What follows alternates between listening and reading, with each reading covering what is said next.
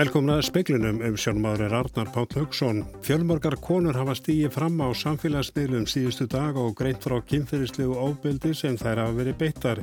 Ný MeToo-bylgja er risinn.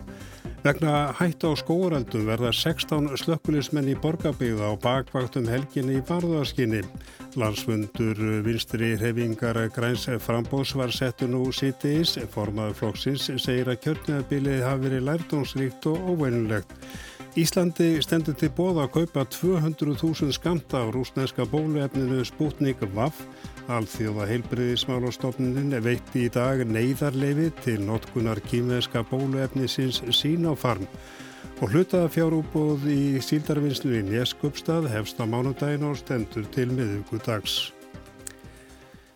Ný MeToo-bylgja er í sinn og hún er frábröðin þeirri fyrir. Karlar stíga fram að konum til stuðnings og aðgera sinni segir af fjöldi kvenna sem hefur greint frá kynfriðsóbeldi síðustu daga sínu hvers, síni hversu alvarlegu vandin er. Undarfarna daga hefur fjöldi kvennast í fram á samfélagsmiðlum og sagt frá kynferðisofbeldi sem þær hafa verið beittar. Þetta kemur í kjölfarmáls fjölmiðlamannsins Sölva Tryggvasonar og viðbraða við því en hann hefur verið kjærður fyrir líkamsáras og kynferðislegt ofbeldi gegn konum.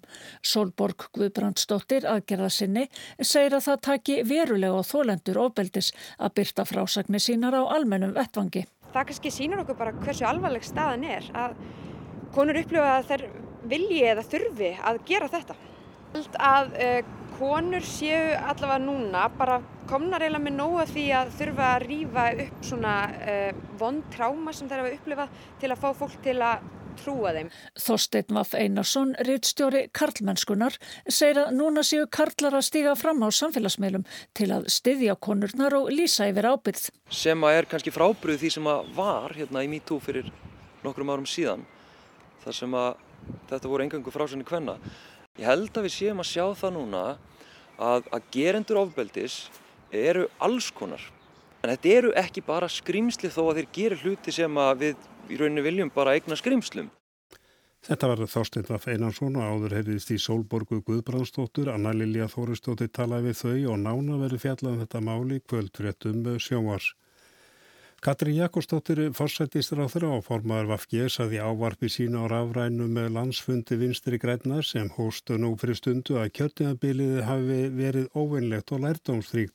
Það sé ekki síst vegna heimsfaraldus kornuverunar. Þegar við horfum á árangurinn þá hefur mikill málefnarlegur árangur náðst hvert sem litið er. Og það er árangur sem skiptir ekki bara máli fyrir okkur hér. Það er árangur sem skiptir máli fyrir Ísland og það er auðvitað drivkraftur okkar hreyfingar eins og allra sem taka þátt í stjórnmálum.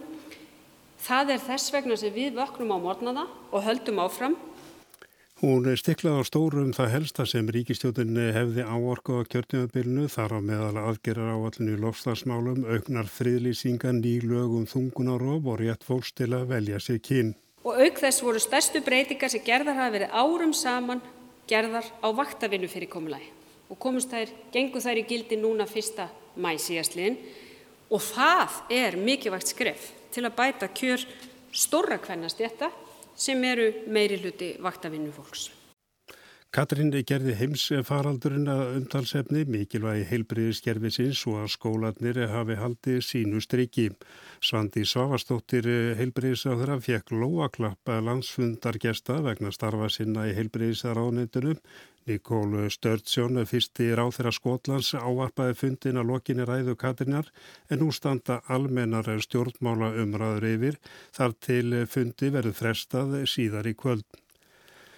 16 slökkulismenn í slökkuliði borgarbyggðar ganga bakvaktur um helgina. Þetta er gert í varðarskinni vegna hættu á gróðureldum. Þá fá þeir sem að leggja leið sína í sömarbústað á skóríkum svæðum á Vestulandi viðvörun um þurkana í texta skilabóðum. Góðan skúr gerð eftir háti á Suðurlandi og slitta var á helliseiði. Þessi væta breytir ekki miklu því áfram halda þurkar næstu daga. Í búar og sumubústaða eigandur í Skorradal, Húsafelli og víðar á Vesturlandi hafa hins vegar ekki sér drópa falla dögum saman. Þar er allt skraufþurt og óvissustug almannavarna hefur verið virkjað. Heiðarörn Jónsson, eldvarnar eftirlitsmaður og varaslökkvili stjóri í Borgarbygð, segir að fjöldi fólks hafa lagt leið sína í sumubústaði. Í dag hófst í rauninni bakvart slökkulismanna henni hérna í borgarbygð og eru við með 16 slökkulismenn á bakvart sem er til þess að tryggja í rauninni bara svona fyrsta viðbrað á öllum stöðum. Við erum í Borgarnesi, Kvanneri, Reykjóldi og Bifröst. Þá hefur verið komið upp svo kalluðum SMS-girðingum í Skoradal sem felur í sér að þeir sem fara inn í dalin fá textaskilabóði símanum hættuna á gróðuröldum. Þá hefur verið ákveð að koma fyrir báti á vatninu sem mögulega flóttaleið. En SMS-girðingum hefur einnig verið fjölgað.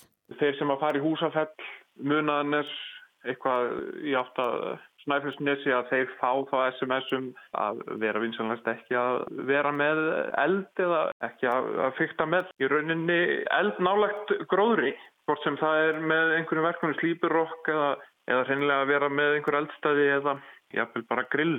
Þetta er hægt ástand og, og við vonumst til þess að fólk í rauninni virði það svo að við þurfum ekki að heimsækja það. Þetta var Heiðar Örd Jónsson að Kristín Sigurðardóttir talaði við hann. Hlutafjárútbóð í síldarvinnslunni í Nesköpstað hefst á mánudagin og stendur til miðugudags til stendur að selja rúmlega 26% hluti í félaginu og meða við útbóðskengi sem er 55 til 58 krónur á hvert hlut fá seljendur alltaf 26 miljardar krónar samanlagt í sín hlut. Þetta þýðir líka að heildar verðmætti fyrirtækisins er um 100 miljardar krónar. Stæstu hlutinir sem verða seldir er í eigu Samherja og Kjálkanes, félags í eigu Björgóls Jóhanssonar fyrir um fórstjóra Samherja, auk annara. Félagi reytar stæst á Íslandu og heldur utanum með 7,7% aflaheimilda. Aðeins Brím og Samherja halda á stærri hlut, félagi skilaði 5,3 miljardar krónar hagnaði í fyrra. Framleiðindur rústneska bóluefnisins Sputnik Vaff hafa bóði Íslendingum skamtað fyrir 200.000 manns til kaups. Íslensk stjórnböld skoða möguleika á að kaupa skamtað fyrir 100.000 manns. Svandi Svavarstóttir heilbreðsar á þeirra greindi ríkistjórninni frá stöðum mála á ríkistjórnafundi í morgun. Samkvæmt upplýsingum frá heilbriðsráðneitinu hafa rússar sendt íslenskum yfirvöldum vilja yfirlýsingu um að hefja samningaviðræður. Þar kemur fram að Íslandi standi til bóða að kaupa skamta fyrir 200.000 einstaklinga. Í draugum að aðtúasendum íslenskra yfirvalda við vilja yfirlýsinguna er lagt til að samningar hljóðu upp á kaup á meðferð fyrir 100.000 einstaklinga. Þá þyrti að aðfenda að minnstakosti 75% kiftra skamta í síðasta lagi annan júni. Ekkert verði þó af þessu nema Sputnik Vaff fái markaðsleifi í Evrópu í síðasta lagi annan júni. Þetta er aðeins viljeyfirlýsing sem ekki hefur verið undirrituð og hún felur ekki í sér skuldbindingum að Íslensk stjórnvald kaupi Sputnik Vaff. Það bóluefni sem Íslandingar hafa þegar treykt sér dugar fyrir bólusetningu rúmlega 830.000 einstaklinga og samningur við rúsa myndi bæta við skömmtum fyrir 100.000 í viðbót. Brynjólur Þór Guðmursson saði frám og fleiri fréttur af bóluefnum, alþjóða helbriðismálastofnunum veitti í dag neyðarleifi til notkunar kýmverska bóluefni síns Sinofarm Bóluefnið er, bóluefnið er þegar notað vísvegar um heim. Með staðfestingunni verður Sinofarm sjötta bóluefnið til að hljóta náð fyrir augum stopnunarinnar. Í máli Tetros Atanom Gebreyesus, forstjóra stopnunarinnar, kemur fram að Sinofarm hafi staðist rannsóknir sem tryggi örgiðess, gæði og virkni. Vottorð alþjóða heilbreyðisstopnunarinnar auðveldar ríkjum að samþykja notkunefnisins og dreifingu þess. Það á engum við þau ríkið þar sem gæðastöðlun skortir innanlands. Jáframt opnar samþykki dyr svo hægt verða að leggja sín og farm til í COVAX samstarfið, alþjóðlega bólusetningar átækið gegn COVID-19. Nokkur bóluefni býða samþykkis stopnunarinnar. Þeirra meðalefni sem sín og farm framleiðir í borginni Wuhan þar sem koronaveirunar varð fyrst vart. Sumuleiðis býða kínveska efnið Sinovac og Sputnik Vaff samþykkis alþjóða heilbreyðisstopnunarinnar. Markus Þóraldsson saði frám.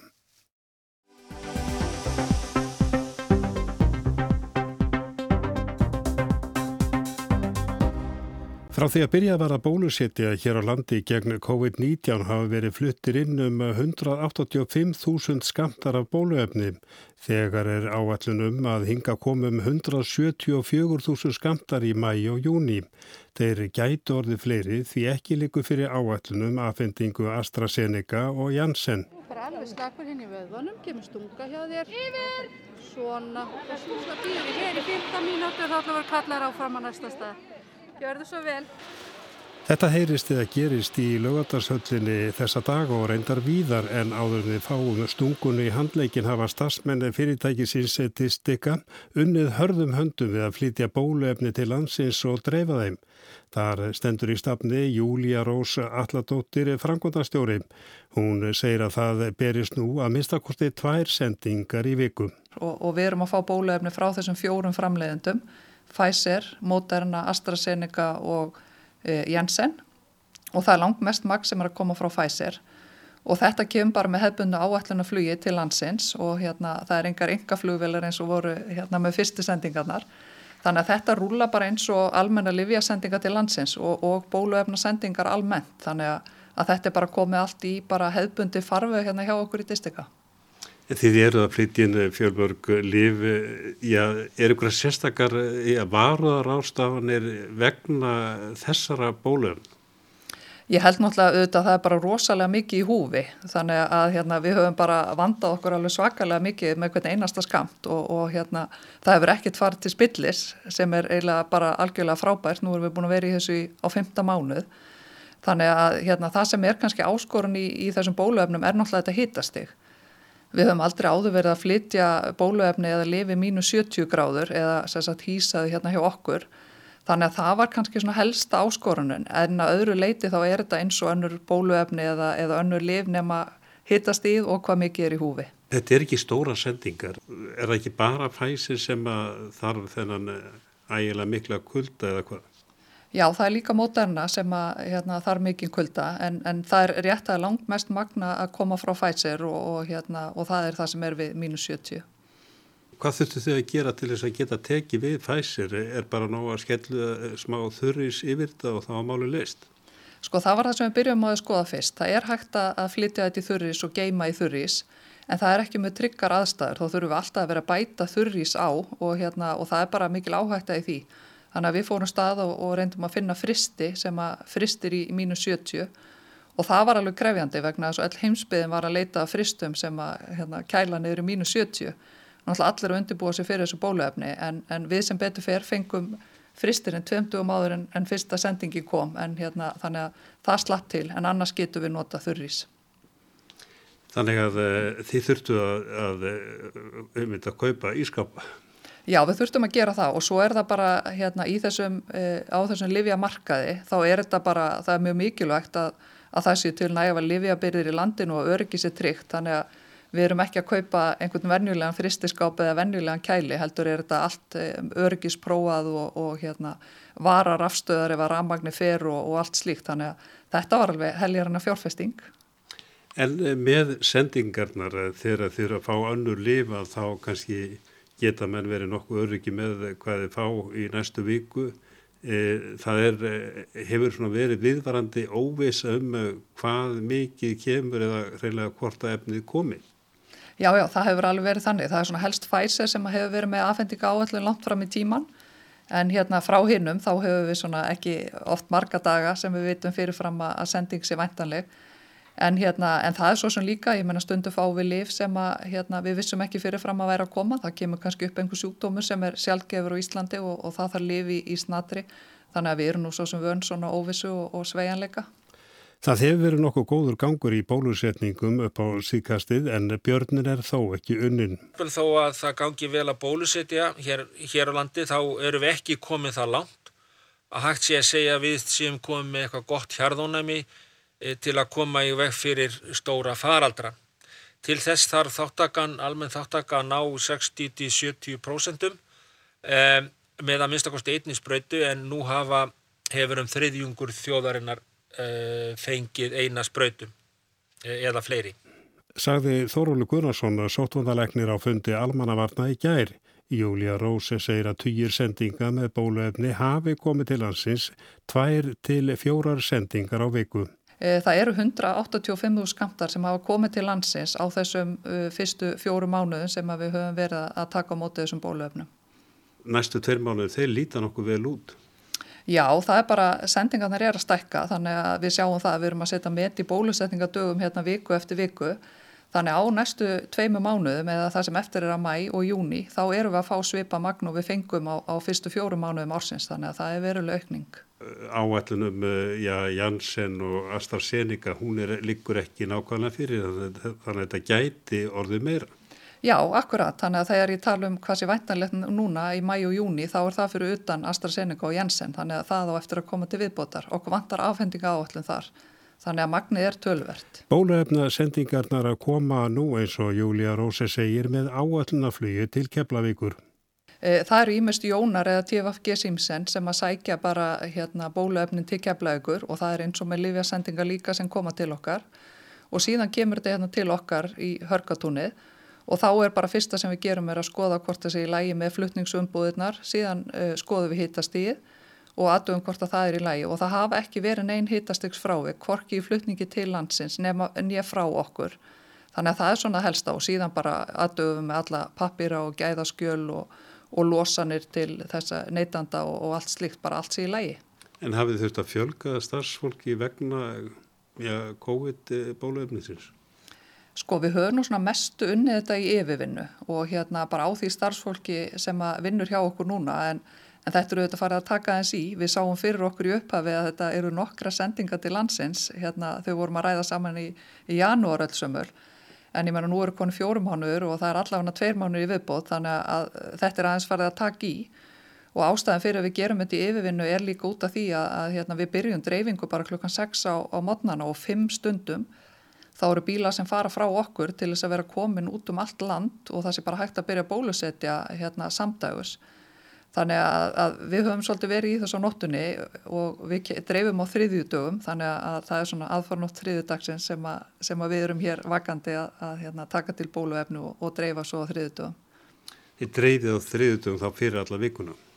Já, hérna allavega á landsbyðina og sérstaklega það að veri koma litlir skamtar, auðvitað er þetta að fara að aukast núna En, hérna, en já, við byrjum á því að dreifa bara öllum sendingu leiðuðar komið hús en, en eh, síðan eins og ég segi, þetta er að taka okkur halvt ár þannig að við fórum svona að strömlinu laga þetta og, og í samvinnu við bara landlæknu og sótarnalækni þá ákveðum við það að dreifa á landsbyðina á þriðutögum en, en svo erum við oftar að dreifa hérna á höfuborgarsvæðinu. En það má kannski segja mikið fyrir lítið, það er kannski verið að skrölda landshóttan á milli með kannski bara lítinn pakka.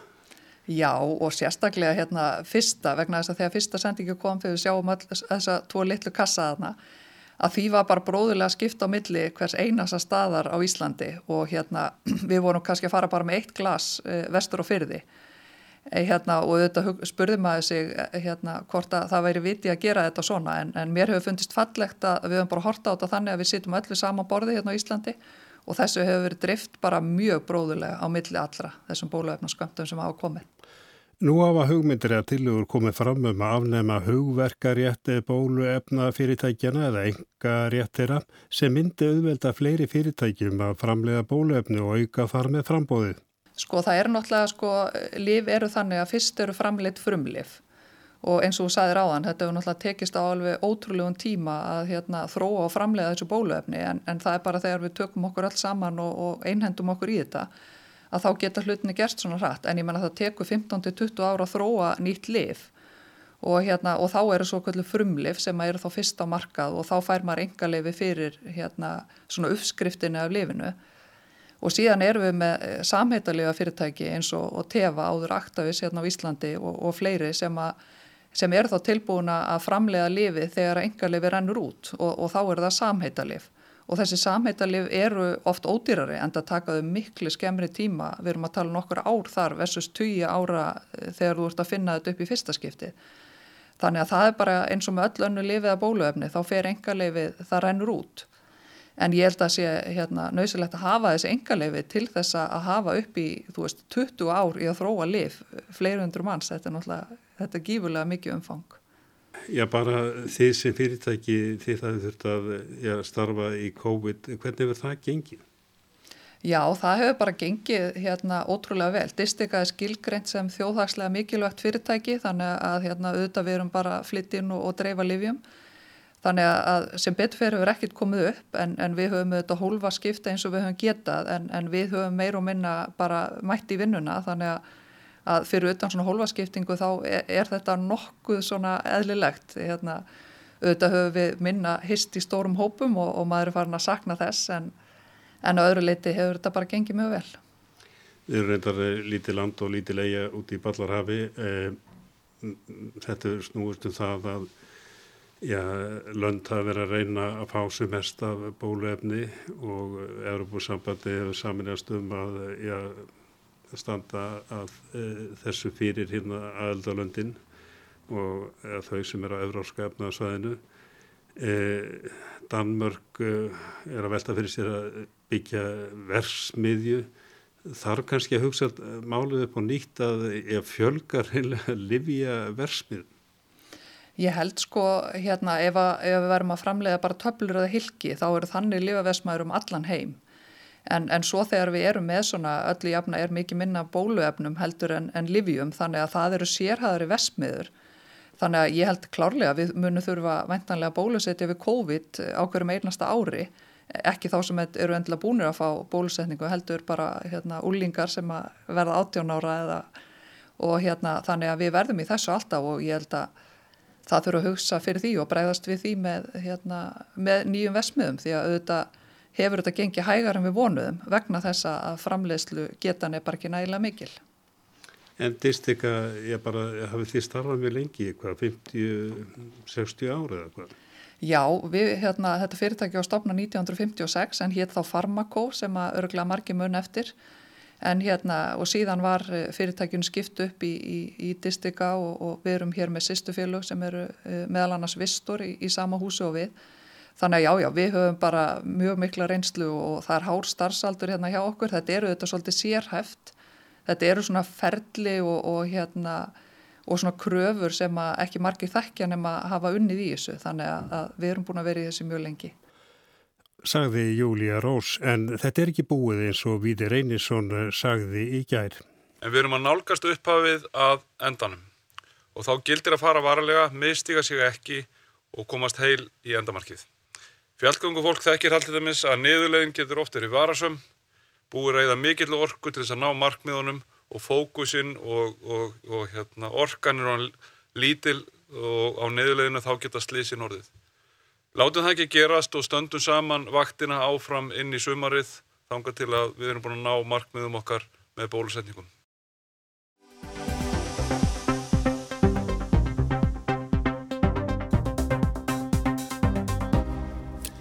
Og þá að kostningum í Breitlandi, það var kosi víði gær í Breitlandi, í bæjar og sveitarstjórnir, kosið með borgarstjóri í stærri borgum og þingin í Skotlandi og í Veils. Það tekur einhverja daga að telja en eh, það eru úrslitin í einu kjördæmi sem fanga mesta aðtegl í dag. Sigur íhalsflokksins og sigur verkamannaflokksins. Þetta eru helstu fyrirsaknin dagsins í Breitlandi eftir bæjar og sveitarstjórnarkostningar gerðdagsins aukostninga til þingana í Skotlandi og Wales. Úrslitena í heild ekki að vanta fyrir neftur helgi. Mesta aðteklinn beinist þó að einum aukakostningum um þingsæti norður í landi. Boris Johnson, forsætsáþara, vildi ekki segja á mikið undir hádegi en horfurnar væru góðar. Stjórnin hefði einbeitt sér að forgangsmálum sínum og fólksins og að hýfa Breitland upp eftir heimsfaraldurinn. It's early days but a very encouraging set of results so far and I think that's really because uh, we've been focusing as, uh, as government on uh, our priorities, people's priorities, uh, bouncing back from the, uh, the pandemic as far as we can. Í Skotlandi koma úrslitin hægt og bítandi, kostninga þáttaka aukist verulega um 5 eða 10% frá þingkostningunum 2016. Skoski þjóðarflokkurinn fær vísast flesta þingmenn en kannski ekki hreinan meiruluta eins og hann vonaði. Íhalsflokkurinn í Skotlandi gæti áfram verið næstærsti flokkurinnar, bitur fyrir verkamannaflokkin að verða aftur þriðji í Skotlandi, þar sem hann nöyð löngum mikils fylgis, allt þar til skoski þjóðaflokkurinn náði fórustinni 2007. Og ennfremur áhyggjusamlegt fyrir verkamannaflokkin að kostningaþáttaka í borgastjórakostningum höfuborgarnar virðist lág. Frambjöðandi flokksinn Sati Khan virtist örugur um endurkjör en forskotið á Sjón Bailey, frambjöðanda íhalsflokksins, líklega minna en virtist. Og svo er það tapið í Hartlepool, forðum tryggt víi verkamannaflokksins fjell Jill Mortimer, frambjöðandi íhjálpsflokksins, segraði. Immensely proud to be the first Conservative MP in Hartlepool for 57 years. Um, not only that, I am the first woman ever to be elected as MP for this town. Mortimer saði stolt af því að vera fyrsti íhalsþingmaður kjördæmisins í 57 ár og fyrsta konan kjörinn þar. Hartlepool sínir í hnótskurn árangur íhalsflokksins Undir fórustu Borisa Johnsons býður flokkurinn politíst bland í póka að því kjósendur er ekki lengur uppteknir af hægri eða vinstri, bú ekki lengur á einum eða öðrum vang politíska litrófsins, vilja bara eitthvað sem virkar. Politískum hreinlífismönnum, og þeir eru líka til í þingflokki íhalsflokksins, finnst þetta ánga af populisma en sem stendur svín virkar þessi bóðskapur. Hartlepool er auðvitaðans eitt kjördami, eitt þingsæti af 650 þingsætum en úrslitin eru líka vandi verkamannflokksins í hnótskurð og sá vandi ákaft rættur í dag. Þarna var einu sinni miðstöð skiparsmíða og sterk sjálfsvitund í búana svo að sem verkamenn kísu þeir auðvita verkamannaflokkin.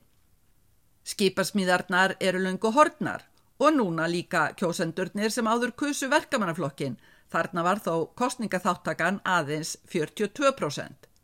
Nýju verkamannaflokkurinn með sína hægri kratastefnu var sjósettur af Tony Blair og fleirum fyrir kostningarnar 1997. Flokknum tókst þá bæði að hafða til fyrrum kjarnakjósenda en líka krækja í mentafólk og borgabúa sem áður kusu fráslinda demokrata og íhalsflokkin.